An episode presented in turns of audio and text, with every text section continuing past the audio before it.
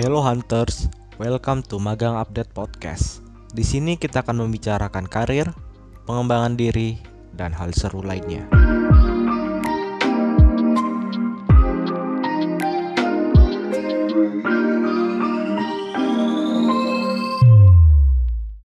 Selamat pagi, siang, sore, malam, kapan pun Hunters mendengarkan podcast ini. Semoga Hunters dalam keadaan yang sehat dan berbahagia ya. Selamat datang ke episode 22 Magang Update Podcast. Kenalin, aku Mutia Rizky Jahra yang biasanya dipanggil Muti. Di sini aku sebagai Business and Partnership Development dari Magang Update yang akan menjadi host dalam sesi podcast kali ini. Nah, pada episode kali ini, kita bakalan berbincang-bincang terkait Consulting 101, the first step to start career as professional consultant. Nah, Hunters, saat ini kita pasti udah tidak asing lagi dengan berkarir di consulting pet ataupun ranah konsultan. Apalagi berkarir di pet consulting ini udah jadi tren baru di sosial media yang ada, seperti TikTok, Instagram, ataupun profesional social media seperti LinkedIn ayo ngaku. Pasti teman-teman yang uh, sering lihat FYP TikTok itu tadi sering banget ada a day in my life as consultant. Nah, itu udah menjadi tren baru dan momok baru banget untuk para fresh graduate dan juga teman-teman mahasiswa untuk mulai karirnya di consulting. Nah, oleh karena itu, pada podcast kali ini, kita bakalan sharing santai dengan narasumber kita yang keren dan udah profesional banget pada bidang ini, yaitu consulting pet. Mari kita sambut Kak Christian Sanjaya, Manajemen Consultant at Global Consulting Firm. Oke, yuk langsung aja kita sapa Kak Christian. Halo Kak Christian. Halo, halo semua. Oke, gimana ini Kak kabarnya malam-malam gini? Baik, baik. Uh, semoga kalian kabarnya baik juga ya. Amin. Oke, okay. yes, uh, aku kalau udah aku keadaannya baik sih kak so far. Walaupun memang agak-agak hektik sih belakangan kali kalau dari kak Kristen apakah hektik gak nih kak? Soalnya kalau jadi uh, konsultan itu kan apa ya bisa dibilang itu tuh ada brandingnya, brandingnya tuh kayak hektik 24 hours gitu. Kalau kak Kristen gimana nih? Um, hektik ya ada ups and downs-nya lah. Um, ada biasanya kalau di consulting kita ada istilah high season dan low season gitu. Mungkin kalau teman-teman yang uh, paham auditing gitu, mungkin udah terbiasa kayak gitu ya. Uh, most of the case hectic sih tapi. Oke, okay, memang berarti ada season-season tertentu ya kak. Berarti untuk branding kalau consultant itu tuh 24 hours for week itu tuh selalu hektik tuh enggak berarti ya kak ya? Enggak juga sih. Enggak juga ya. Oke, nah mungkin uh, aku pengen nanya nih, kan tadi udah sapa-sapa gimana harinya dari Kak Christian. Mungkin aku boleh nanya kegiatan Kak Christian saat ini tuh apa aja sih? Boleh. Jadi kegiatan aku saat ini, uh, jadi aku menjadi management consultant di sebuah firma konsultan di Indonesia. Untuk proyeknya sendiri uh, berbagai macam, uh, mulai dari IT, uh, risk management, uh, strategi sampai ke uh, human resource gitu. Jadi tergantung ke uh, assignment projectnya seperti apa. Wow, berarti memang uh, semua bidang gitu ya Kak, Kak Christian bisa handle kalau dilihat-lihat nih. Tapi kalau Kakak di spesifiknya gitu ada nggak sih Kak di antara uh, beberapa bidang tersebut? Ada. Jadi kebetulan uh, untuk case aku, aku punya spesifikasi di IT kebetulan. Jadi okay. kalau di IT itu kita bisa di, uh, dig deeper ke strategi IT, ke implementasi IT ataupun uh, pengembangan uh, infrastruktur IT gitu. Wow, keren banget. Kak Kristen emang kalau dari wajah-wajahnya dia emang anak IT banget sih. Karena teman-teman aku juga banyak nih yang yang apa ya charming-charming gitu anak IT. Oh my god. Oke Kak Kristen, nah mungkin uh, aku boleh nanya nih Kak. Kan saat ini Kak Kristen kalau aku lihat di profiling nya nih ya Kak, itu Kakak udah cukup lama ya berkarir uh, di consulting pet. Kalau boleh tahu ya Kak, um, gimana sih perjalanan awal Kak Kristen untuk uh, pengen nih tertarik untuk berkarir di consulting pet kira-kira apa sih gitu apakah emang udah dari, desire dari waktu uh, semester satu atau pas ternyata pas final semester baru kepikiran pengen di consulting deh kayak gitu boleh dong kayak sharing-sharing bareng kita boleh Jadi aku awal kenal consulting itu dari kuliah sebetulnya. Wow, oke. Seingat, seingat aku kuliah semester 3.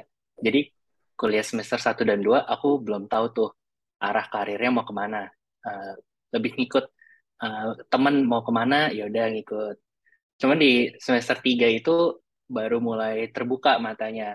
Uh, ada spesifikasi ilmu di kebetulan jurusan aku teknik industri yang cabangnya banyak banget sebenarnya. Ada misalkan supply chain, mau jadi product manager yang lagi hot banget sekarang juga bisa, sampai ke consulting. Nah, kebetulan aku ambil track yang consulting gitu.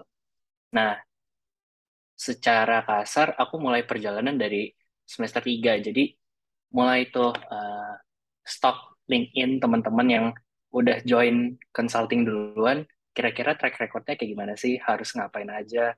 Nah, itu aku coba replicate ke pengalaman-pengalaman dan uh, organisasi yang aku join juga gitu. Dengan harapan, kalau misalkan orang lain dengan track record seperti itu bisa masuk consulting, dan ketika aku ikutin, harapannya bisa kayak mereka juga. Sesimpel itu sih. Mungkin amati tiru modifikasi gitu kali ya. Iya, Ahmad ditiru modifikasi. Emang kalau emang jujur kalau aku juga seperti Kak Christian ya, semoga aku jadi konsultan ya nantinya. Karena emang dari semester 1, semester uh, 3, aku tuh semester 2 gitu ya, itu memang masih benar-benar uh, gimana ya bilangnya Kak, mengikuti arah peralihan gitu antara SMA dengan kuliah kan emang ada culture shock lah gitu ketika kuliah. Namun waktu di kelas 3 ini ternyata emang interest juga nih di uh, karir di consulting seperti itu ya. Hopefully aku bisa seperti Kak Christine. Oke, okay, amin, amin. Oke okay, Kak, nah kalau tadi kan Kak Christian ada notice uh, udah ikutan nih kayak um, organisasi yang mana bisa menunjang nih untuk karir Kakak di consulting. Kalau boleh tahu Kak Christian ikut organisasi seperti apa sih Kak waktu kuliah? Yap. Jadi aku ada ikut beberapa organisasi. Uh, yang pertama himpunan, uh, simply karena di jurus itu skopnya jurusan lebih kecil, jadi uh, impact yang bisa kita kasih itu lebih besar juga. Nah, ini mungkin salah satu indikator yang bisa diukur ketika nanti kita memutuskan untuk apply. Mungkin itu bisa jadi salah satu nilai yang bisa kita bawa ke tempat yang kita apply. Kedua, itu uh, komunitas consulting. Kebetulan waktu aku kuliah belum ramai gitu ya kayak sekarang ada uh, organisasi yang fokus ke consulting di level universitas gitu. Jadi dulu aku lebih banyak partisipasi di lomba-lomba uh, business case. Nah, terus yang uh, ketiga itu ke komunitas uh, internasional di kampus. Mungkin kalau yang banyak kalian banyak tahu itu mungkin semacam ISEC gitu ya.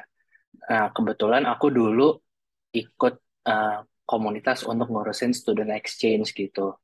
Nah, jadi uh, di sini uh, terlatih juga lah uh, wawasan internasional, terus gimana kita ngomong, uh, dan paling utama bahasa Inggrisnya juga sih dilatih uh, selama di organisasi itu.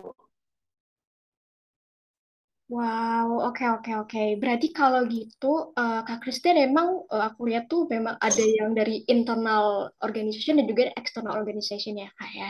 Uh, dan terkhususnya waktu di zaman kakak itu kalau misalkannya organisasi konsulting itu belum terlalu hype banget gitu ya kak. Beda banget ya kak sama sekarang yang hampir university itu udah ada gitu kak organisasi consultingnya gitu seperti mungkin One ActiDC, terus ada share juga kayak gitu yang mana mungkin bisa jadi wadah ya untuk teman-teman yang interesting di bidang consulting untuk lebih apa ya langsung seperti terjun langsung lah gitu ya kan melalui uh, organisasi tersebut. Oke, okay, thank you Kak Christian. Mungkin um, aku pengen aku kepo banget deh gitu. Uh, kakak kira-kira waktu dalam seleksi recruitment consultant itu dalam experience kakak nih, kira-kira gimana sih Kak? Mungkin boleh diceritain. Boleh. Jadi kebetulan aku rekrutmennya itu uh, ada uh, kebetulan pada saat itu ada salah satu uh, hari di mana si company-nya ini bikin semacam hiring day. Oh, jadi jadi semacam batch gitu. Satu tahun ada dua dua batch uh, di mana itu dikumpulin semua orang yang apply basically. Jadi semua diseleksi di situ, mulai dari uh, FGD, in, interview, uh, dan tes akademik, semua dilakukan dalam satu hari. Nah, uh, aku kebetulan sempat join di situ. Jadi pertama itu tes akademik kayak dikasih soal, uh, pilihan ganda kita isi. Gak lama kemudian kita diundang ke semacam breakout room karena pada waktu itu online. Uh, di breakout room itu uh, ada semacam FGD uh, bareng sekitar 5 sampai enam orang. Nah, setelah FGD di breakout room lagi uh, di mana itu one on one interview sama uh, manager atau senior manager di company itu. Nah, um, seluruh proses itu terjadi dalam satu hari di case aku, eh, yang mana mungkin lumayan capek ya nungguin. Uh, tapi pengumumannya nggak langsung di hari itu, uh, sekitar satu setengah bulan sampai dua bulan kemudian. Jadi um, lumayan dak dikduk juga ya uh, nungguinnya karena udah seharian dedicate diri kita untuk ngikutin rekrutmennya. Uh, pasti berharap yang terbaik dong. Tapi uh, puji Tuhannya lolos sih. Wah, oke. Okay. Aku, wow, itu benar-benar apa ya? Best experience banget gak sih Kak Christian? Dengan dalam satu hari udah melaksanakan beberapa tes seleksi, itu aku belum ini sih kayak belum kepikiran kalau ternyata recruitment prosesnya tuh secepat itu gitu loh. Nah, yeah. kalau boleh tahu Kak Christian, apakah ketika eh, recruitment proses itu tuh langsung ada yang gugur gitu Kak? Ataukah uh, semua yang dilolosin pada hari itu bakal terus aja langsung uh, ininya apa seleksinya sampai akhir Kak? Yap. Uh, jadi pada waktu itu semuanya langsung diikutin semua, nggak ada nggak ada sistem eliminasi per uh, sesi gitu ya. Jadi misalkan ada uh, mungkin aku nggak tahu angka pastinya yang berapa yang daftar asal sebut aja misalkan 500 orang gitu. Jadi ya udah 500 orang itu akan bareng-bareng dari tahap awal sampai tahap akhir. Nanti di satu setengah sampai dua bulan kemudian baru diumumin hasilnya uh, kita masuk atau enggak gitu. Cuman ini mungkin kalau dari aku dan teman-teman aku uh, hal kayak gini cukup jarang sih sebenarnya di consulting firm karena kebanyakan pasti step by step uh, kayak di company pada umumnya misalkan diundang interview HRD dulu terus dikasih tahu lolos atau enggak baru user interview nanti ada uh, manager interview nanti baru offering jadi satu-satu cuman di case aku cukup unik sih um, semuanya ditumpuk jadi satu gitu Oh, I see. Oke, okay, oke, okay, oke. Okay. Dan aku keren banget sih. Maksud aku Kak Kristen bener-bener keren banget di dalam satu waktu bisa melakukan hal semuanya dan ternyata akhirnya berhasil menjadi salah satu yang terpilih tuh keren banget. Aku nggak bisa ngerasain capeknya kakak sih saat itu. Oke, okay, Kak Christian. Nah, mungkin aku masih kepo banget sih nih Kak. Apakah kira-kira ketika uh, Kak Christian tertarik untuk berkarir di consulting firm itu kan pastinya udah mulai nge-develop CV ya ya ya gak sih kak. Nah itu kan gak cuman uh, untuk uh, kita ngumpulin organizational experience mungkin bisa internship gitu. Nah kak Christian yep. saat uh, internship itu apakah memang langsung kepikiran untuk intern di uh, consulting firm atau mungkin di startup or uh, FMCG hmm. ataupun mungkin lainnya gitu kak Christian? Oke, okay. jadi um, in general sebenarnya nggak ada rumus, nggak ada formula pasti gitu ya. Um, kalau orang yang internship di startup, chance-nya bakal makin besar atau yang internnya di consulting firm bakal makin besar lagi itu sebenarnya nggak ada formula pastinya. Um, cuman pada waktu itu uh, dari observasi aku kebetulan uh, banyak banget yang pada akhirnya full time di consulting firm itu internnya pasti di consulting firm itu juga gitu.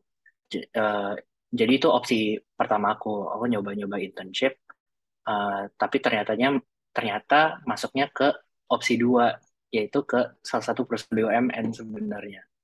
Nah, um, sebenarnya ini aku udah rencana um, just in case um, best case scenario-nya itu nggak uh, berhasil Nah, kenapa BUMN? Karena pada saat itu uh, nggak sebanyak sekarang dan nggak seterbuka untuk hire uh, mahasiswa gitu.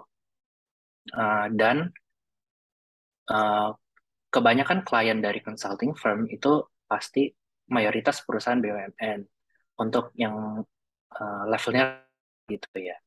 Nah, uh, itu aku pikir waktu itu bisa jadi add value karena kita bisa memposisikan diri sebagai kliennya gitu. Kalau sebagai konsultannya, um, rasanya semua orang bisa bisa uh, punya posisi memposisikan diri sebagai konsultan. Cuman jarang orang yang bisa memposisikan diri sebagai klien. Jadi ketika di kemudian hari kita berusaha ngejual profil kita, uh, kita bisa bilang, oh kita paham cara pikir klien seperti apa, kerjanya mereka seperti apa. Jadi ketika kita uh, kerja bank itu uh, lebih kerjasamanya lebih baik gitu karena sebagai konsultan kan kita nggak hanya dengan tim kita tapi kita sering banget tektokan dengan klien dan dan itu berpengaruh banget ke uh, progress project kita gitu.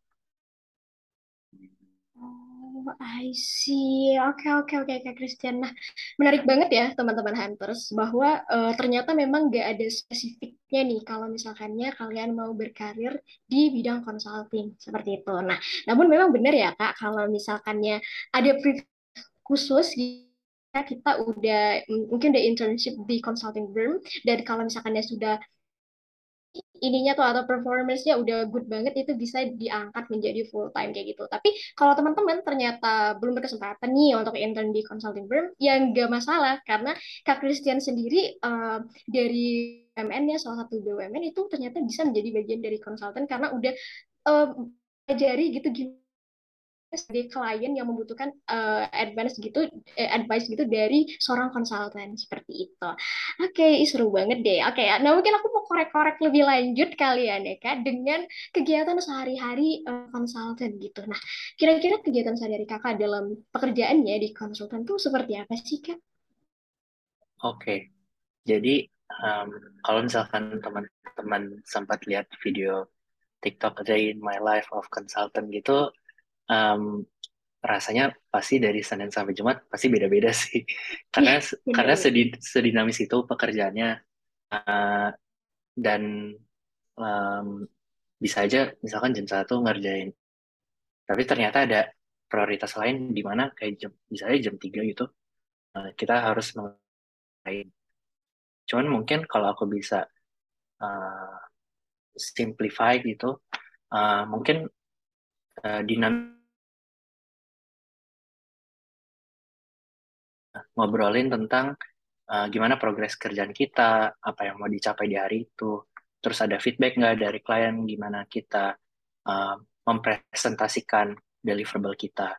Nah, itu um, macam-macam sih, ada ada banyak tipe klien uh, yang mungkin ada yang perlu uh, kita standby terus, kita bimbing, tapi ada juga yang mungkin udah percaya sama kita.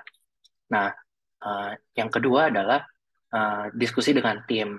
Jadi ketika kita udah dapat uh, feedback dari klien, kita diskusi dengan tim. Uh, kita harus ngerjainnya baiknya gimana, uh, approach yang mau kita ambil seperti apa, dan pembagian tugasnya gimana. Yang ketiga dan terakhir itu uh, di mana kita uh, actually ngerjain. Baru itu kita ngerjain kerjaan kita. Setelah tadi diskusi dengan eksternal, diskusi internal, baru kita benar-benar ngerjain itu um, dan terus uh, iterasi itu terus terjadi uh, di besok-besok harinya. Tapi um, karena skopnya nggak cuma satu hal gitu ya uh, jadi bisa aja besok uh, bisa aja besok kita full full day discussion gitu. Karena misalkan topiknya berat atau uh, kliennya butuh uh, additional insight gitu dari tim kita yang lain.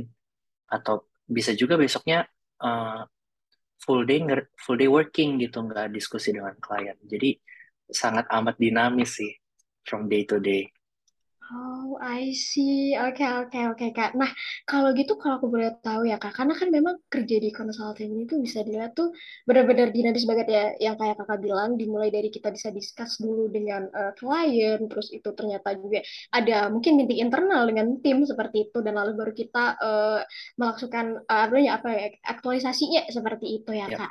Nah, itu kalau boleh tahu, apakah setiap harinya itu tuh akan mendapatkan beda-beda project gitu Kak atau mungkin diselesain dulu satu project lalu uh, next berikutnya atau malah satu project for one day gitu Kak. oke. Uh, jadi ada banyak approach ya um, dalam kita uh, menyelesaikan project dan ini sangat amat tergantung dengan gimana appetite si kliennya dan ini biasanya hanya bisa dijudge oleh orang-orang yang tentunya udah lebih senior. Mereka udah bisa baca gitu ya kasarnya. Oh, kayaknya klien ini dengan tipe seperti ini mereka uh, lebih mau hasilnya di akhir atau ada klien yang tipenya mereka mau actually lihat from day to day itu progresnya gimana. Ada ada berbagai macam gitu ya. Hmm, dalam case aku uh, kebetulan sekarang ini uh, kliennya itu uh, perlu uh, progress from day to day. Jadi uh, mau nggak mau di sejak awal kita udah breakdown uh, target di akhir kita breakdown dalam mini goals lah istilahnya. Jadi pencapaian hari ini apa aja, besok apa aja. Nah itu terus dilakukan sampai semuanya tercapai dan proyeknya selesai. Nah hmm, lain lain hal kalau misalkan um, kliennya misalkan maunya progres mingguan gitu, berarti kita akan breakdown pekerjaan kita uh, mungkin lebih fleksibel dibanding harian gitu. Jadi misalkan um, kita menyelesaikan yang susah dulu. Senin, Senin, Selasa, Rabu yang susah dulu. Kamis, Jumat yang lebih mudah. Nanti Jumat baru uh, report ke klien. Nah, itu kan lebih fleksibel. Gitu sih. Oh, wow, oke. Okay. Kayak Christian. Mungkin memang berarti bener ya, Kak? Berarti hal tersebut tuh selalu dinamis nggak pernah yeah. statis. Jadi kalau misalkannya bikin a day in my life seperti content creator consultant gitu ya, mungkin mereka bakal beda-beda ya setiap hari melaporkan a day in my life-nya. Nggak bisa kayak uh, pagi itu minum Starbucks, terus itu jam yeah, betul. meeting kayak gitu nggak bisa ya, karena emang beda-beda selalu. Oke, okay, kayak Christian. Nah, tadi kan udah seru banget ya, udah kita tahu nih gimana sih kegiatan sehari-hari sebagai seorang konsultan gitu. Nah, kalau dari Kak Kristia sendiri, apakah ada salah satu project yang kakak handle gitu, yang mungkin boleh nih diceritain gitu, yang bukan confidential gitu, dan itu menurut kakak menarik gitu loh. Oke. Okay. Um, jadi aku pernah handle salah satu uh, project um, kebetulan skalanya itu uh, global. Jadi hmm, kalau misal kalau misalkan uh, perusahaan-perusahaan Indonesia gitu mungkin kita kebayang gitu ya. Yeah. Kita misalkan lewatin jalan lihat uh, signage di jalan, oh ini perusahaan A, ini perusahaan B. Cuman kalau perusahaan global kita nggak kebayang nih ini uh, sebesar apa dan um, presence-nya itu seperti apa yang bikin menarik adalah um, kebetulan dia sebuah perusahaan oil and gas uh, yang operasinya tuh global. Jadi um, pada waktu itu aku dipaksa untuk semacam berimajinasi gitu ya. Kalau misalkan dia operationnya di Middle East itu seperti apa? Kalau misalkan operationnya di South America atau Asia atau Europe itu seperti apa. Nah, itu ternyata ada banyak banget, ada banyak banget karakteristik karakteristiknya. Um, kalau misalkan kita bikin, misalkan kayak kita bikin pabrik gitu ya di Middle East, oh harus ABC, uh, pertimbangannya uh, XYZ gitu. Kalau misalkan kita bikin pabriknya di Europe, oh ternyata uh, satu dua tiga gitu. Terus dengan pertimbangan yang lainnya. Nah yang bikin menarik karena opsinya itu uh, gak terbatas gitu ya semacam limitless. Um, dan jujur dengan project itu semacam ngebuka wawasan aku juga sih. Karena karena mungkin mainnya kurang jauh. Uh, biasanya uh, handle-nya uh, lokal gitu ya, taunya ya ya udah mungkin sekitar Indonesia, cuman karena project ini jadi uh, terbuka wawasannya bahwa uh, ada yang ada yang jauh lebih besar di luar sana um, yang sama menariknya gitu dan itu uh, jadi pembelajaran buat aku banget untuk diaplikasikan uh, ketika handle uh, project yang di sini gitu sih. Wow, keren-keren banget sih Kak Christian. Dan itu tuh kalau aku boleh tahu ketika kakak mendapatkan project itu, apakah uh, dikasih waktu yang cukup lama gitu Kak? Atau mungkin uh, harus menyesuaikan gitu loh dengan project ataupun keadaan yang ada gitu. Karena kan biasanya kita kan bakal uh, ini dulu kayak searching, analisis dulu, apa-apa aja yang terjadi seperti itu Kak. Oke. Okay. Uh, aku jadi ingat ada satu istilah yang mungkin lumayan umum gitu ya di uh, dunia konsultan tuh sebenarnya kita nggak pernah dikasih waktu belajar, tapi kita di diceburin aja gitu. Iya, jadi ya udah kita harus uh, belajar berenang dengan sendirinya gitu. Nah, aku ngerasa itu cukup valid dari pengalamanku selama ini. Um, ketika di-assign ke sebuah project, nggak ngerti ini tuh apa sesuatu yang mungkin aku nggak familiar gitu tapi uh, aku dituntut untuk uh, belajar dengan cepat uh, dan ber, dan bertahap juga gitu. Uh, karena kan sebuah project dibagi dalam fase-fase um, jadi misalkan tiga fase gitu ya. Ya udah sambil ngerjain sambil belajar juga fase satu. Oke udah kelar. Fase dua beda lagi. Sambil ngerjain belajar lagi.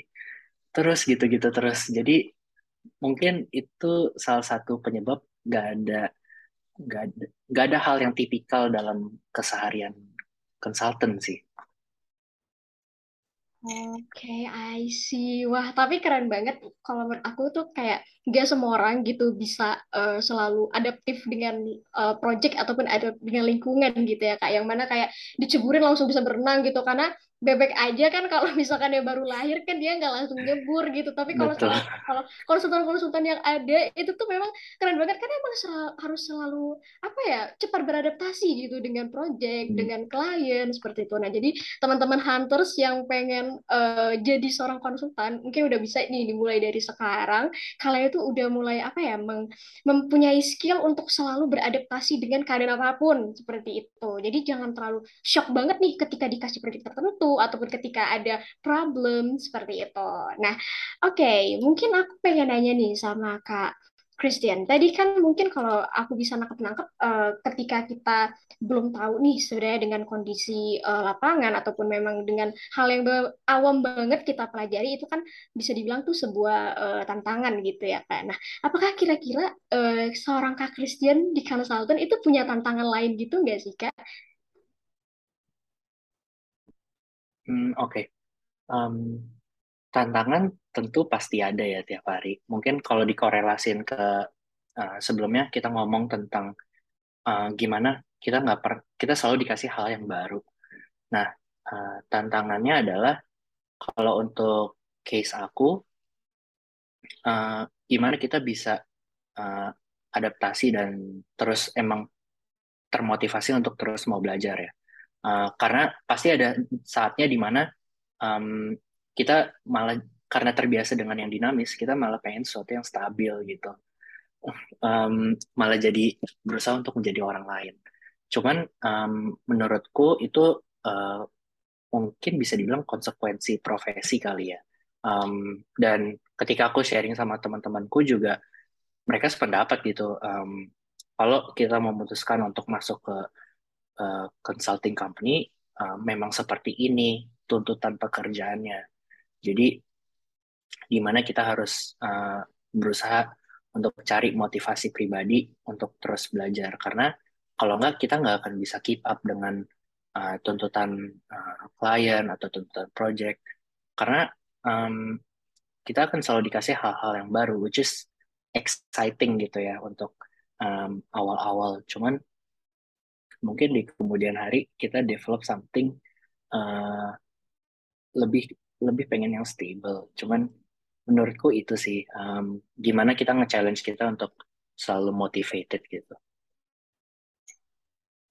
Oke, nah oke sip-sip. Berarti kalau aku boleh simpulin ya, tantangan lain eh, teman-teman semuanya selain kita memang harus cepat beradaptasi dengan klien ataupun project itu eh, adalah tantangan dari pekerjaan kita sendiri, yaitu memang kita eh, kalau di consulting pair itu selalu dinamis gitu ya Kak. Dinamis dimulai dari pekerjaannya setiap hari, problem yang disampaikan klien ataupun dari tingkah laku klien kita juga itu pasti selalu dinamis gitu hari ini kliennya baik banget, mungkin yang hari berikutnya kliennya agak-agak gloomy-gloomy gitu. Nah, jadi itu memang benar-benar uh, teman-teman hunters ketika ingin menjadi seorang konsultan memang harus mempunyai skill-skill yang kayak Kak Christian bilang seperti itu. Nah, oke, okay. cerita-cerita tentang skill, aku pengen nanya banget nih sama Kak Christian. Kira-kira skill lain ya Kak selain mungkin um, skill analytical thinking ya kalau misalkan jadi consulting gitu. Apakah ada skill soft skill menunjang lainnya Kak ketika ingin bekerja di consulting?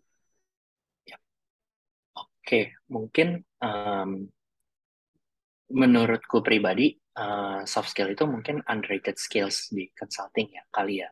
Karena um, biasanya orang selalu bicara tentang hard skill, um, misalkan bisa coding, Excel-nya jago banget, bisa bikin presentasi yang cakep banget.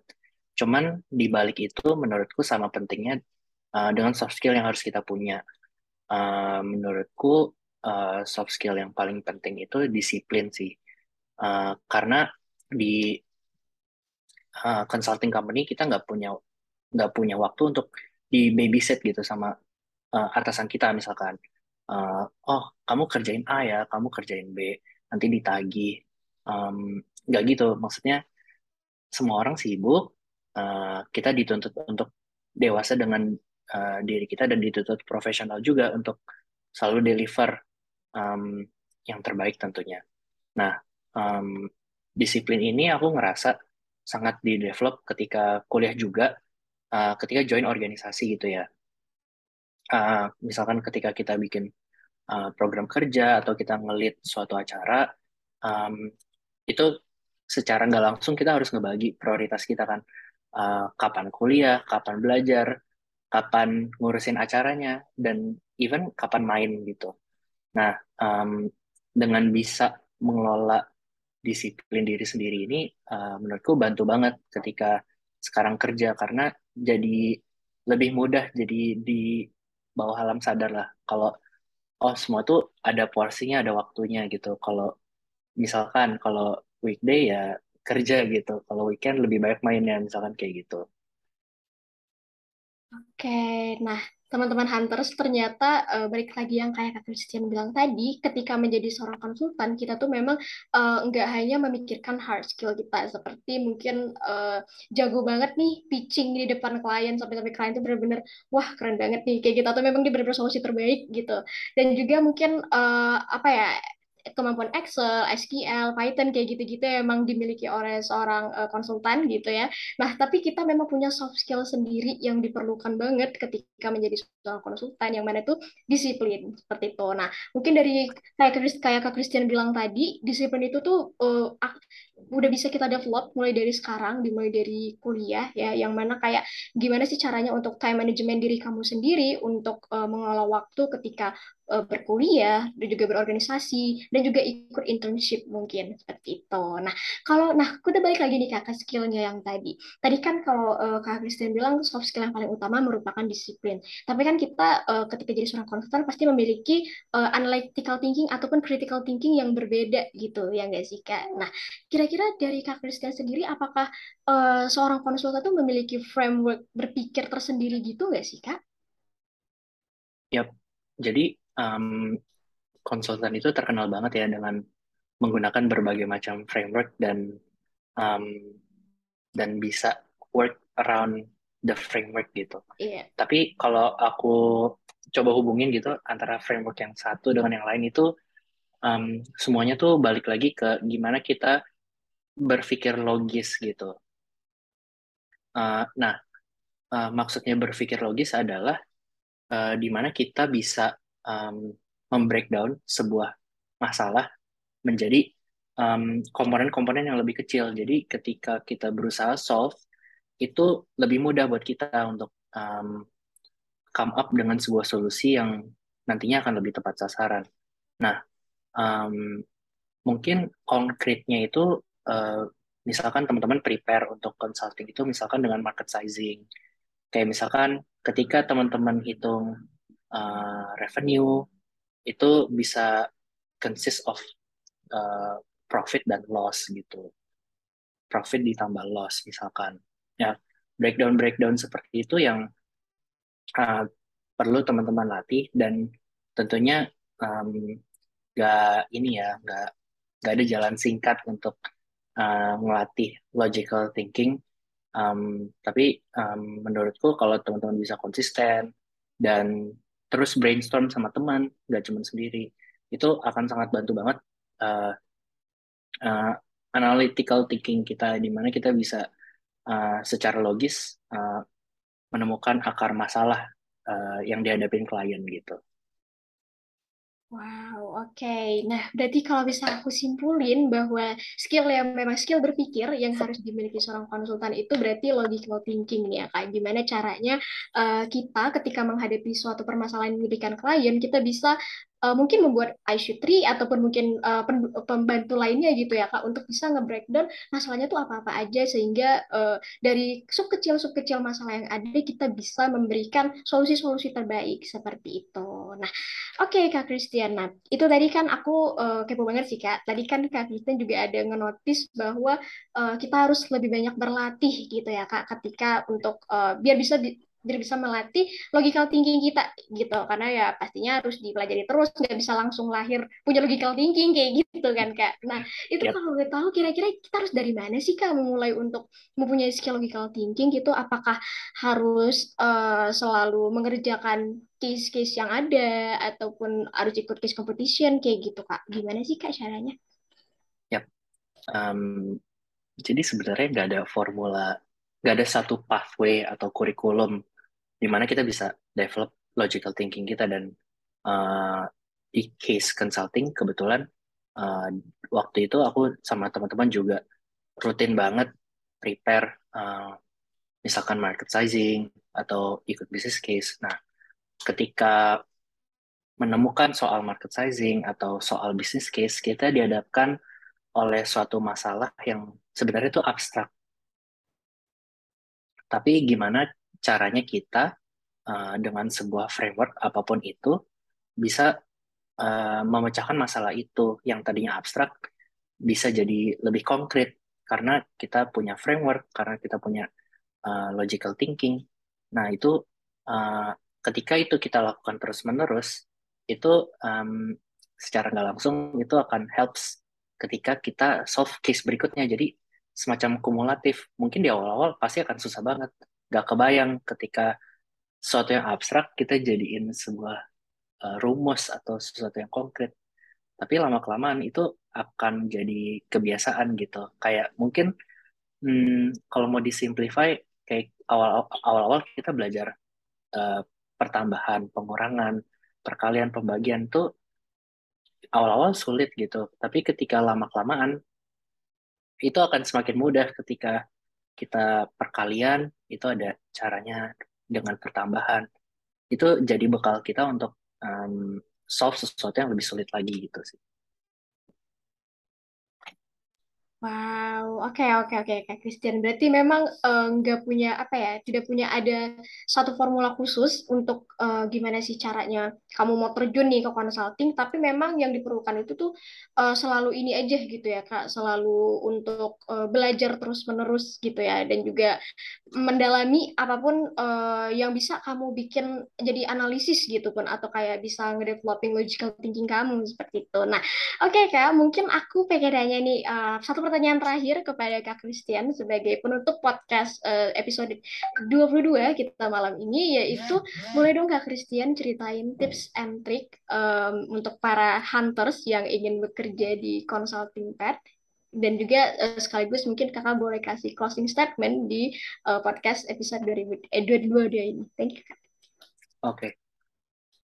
Jadi dari aku tips and triknya um, pertama untuk teman-teman yang memang tahu dirinya mau masuk consulting dan termotivasi, uh, menurutku wajib banget cari peers atau teman-teman yang memang mau masuk ke consulting juga. Karena teman-teman ini walaupun mungkin ada gengsi dari diri kita ngelihatnya, wah ini jadi saingan gue nih. Tapi nggak gitu teman-teman. Um, ada, ada terlalu banyak company di luar sana sehingga teman kamu tuh jadi saingan gitu. Um, nah, gunanya peers ini adalah um, supaya teman-teman tuh bisa latihan bareng, bisa makin termotivasi. Um, kalau misalkan sendiri, biasanya orang cenderung uh, nggak uh, ada nggak ada ukuran. Uh, aku nih udah sampai mana sih progresnya? Cuman ketika ada orang lain sebagai pembanding, uh, kita men, kita uh, punya suatu ukuran. Oh, aku harus sampai situ juga supaya sama nih, supaya sama-sama bisa masuk consulting misalkan. Nah, selain itu dengan punya peers yang tujuannya sama, itu bisa uh, memperoleh network juga. Kayak misalkan teman kamu punya kenalan yang udah kerja di consulting, terus uh, kamu jadi ikut dikenalin dan mungkin jadi punya opportunity yang sama untuk masuk company itu. Nah, hal-hal itu mungkin akan sulit banget kalau misalkan teman-teman lakuin sendiri. Misalkan dengan apply sendiri di website company-nya, dengan mungkin cold message di LinkedIn uh, satu-satu. Tapi dengan kenalan itu jadi lebih halus dan uh, lebih jadi lebih banyak juga uh, channel untuk masuknya gitu ya. Itu yang pertama. Yang kedua, um, teman-teman bisa pelajari nih kira-kira orang-orang yang udah masuk consulting itu path-nya kayak gimana sih? Memang untuk masuk consulting gak ada formula yang pasti kayak misalkan oh harus lulus tiga setengah tahun, harus IP-nya empat, nggak gitu. Ada terlalu banyak variabel. Uh, tapi kalau di kalau temen, semakin banyak teman-teman cari dan observe, itu nanti akan terbentuk sendiri tuh benang merahnya. Kayak misalkan, oh pengalamannya apa, uh, course ketika kuliah yang harus diambil apa, atau achievement yang harus ditonjolin itu apa, dan uh, spesialisasi yang teman-teman harus punya itu apa. Itu nanti akan terbentuk dengan sendirinya. Tapi penting juga untuk teman-teman tahu kalau misalkan uh, semua itu harus align dengan apa yang kita suka. Kalau misalkan kita uh, copy paste dari profil orang, itu pada akhirnya kita nggak akan jadi nggak akan beda sama orang itu dan mungkin company akan bilang why should we hire you ketika ada orang lain yang sama persis atau bahkan better gitu jadi mungkin uh, ketika udah dapet uh, foundationnya uh, teman-teman bisa spesialisasiin uh, selling point aku yang unik tuh apa misalkan teman-teman bisa coding bisa desain um, atau mungkin teman-teman punya pengalaman usaha. Nah, itu bisa juga jadi uh, selling point gitu. Um, dan message aku uh, untuk teman-teman yang sedang berusaha masuk ke consulting dan uh, termotivasi untuk masuk consulting, uh, semangat terus uh, karena jalannya pasti nggak mudah. Um, dan menurutku paling penting uh, tahu diri kita uh, memang mau uh, masuk consulting atau enggak. Kalau misalkan dari diri kita udah tahu um, kita memang mau masuk consulting, um, pasti motivasi itu akan ada terus dan kita akan selalu putar otak lah gimana caranya uh, supaya bisa masuk ke consulting. Oke, okay, thank you so much Kak Christian buat closing statement dan juga tips and trick untuk uh, teman-teman hunters yang ingin bekerja di consulting pad. Mungkin aku boleh uh, simpulin dari tips and trick yang udah Kak uh, Christian sampaikan tadi. Yang pertama, teman-teman hunters mungkin boleh mencari peers ataupun rekan yang uh, suka nih di bidang consulting. Jadi teman-teman bisa sama-sama nih mencari informasi gimana sih caranya untuk menjadi konsultan yang baik gitu. Ataupun untuk ya info-info gimana sih untuk masuk ke uh, perusahaan tersebut. Seperti itu teman-teman. Karena kalau misalkan ya kita sendiri aja ya agak sulit kan uh, kayak Kristen bilang tadi kita memang harus kayak apply satu-satu di LinkedIn terus itu juga ke website-website company seperti itu kan. Jadi kalau misalkan ada teman kan bisa bareng-bareng ya. Namanya juga manusia makhluk sosial pastinya kita butuh uh, teman untuk bisa bareng-bareng untuk sukses seperti itu. Nah yang kedua hunters boleh untuk mencari orang-orang yang udah pernah bekerja ataupun yang sedang bekerja di perusahaan konsultan seperti itu. Nah, di situ teman-teman bisa melihat apa aja sih pengalaman dari uh, mereka, lalu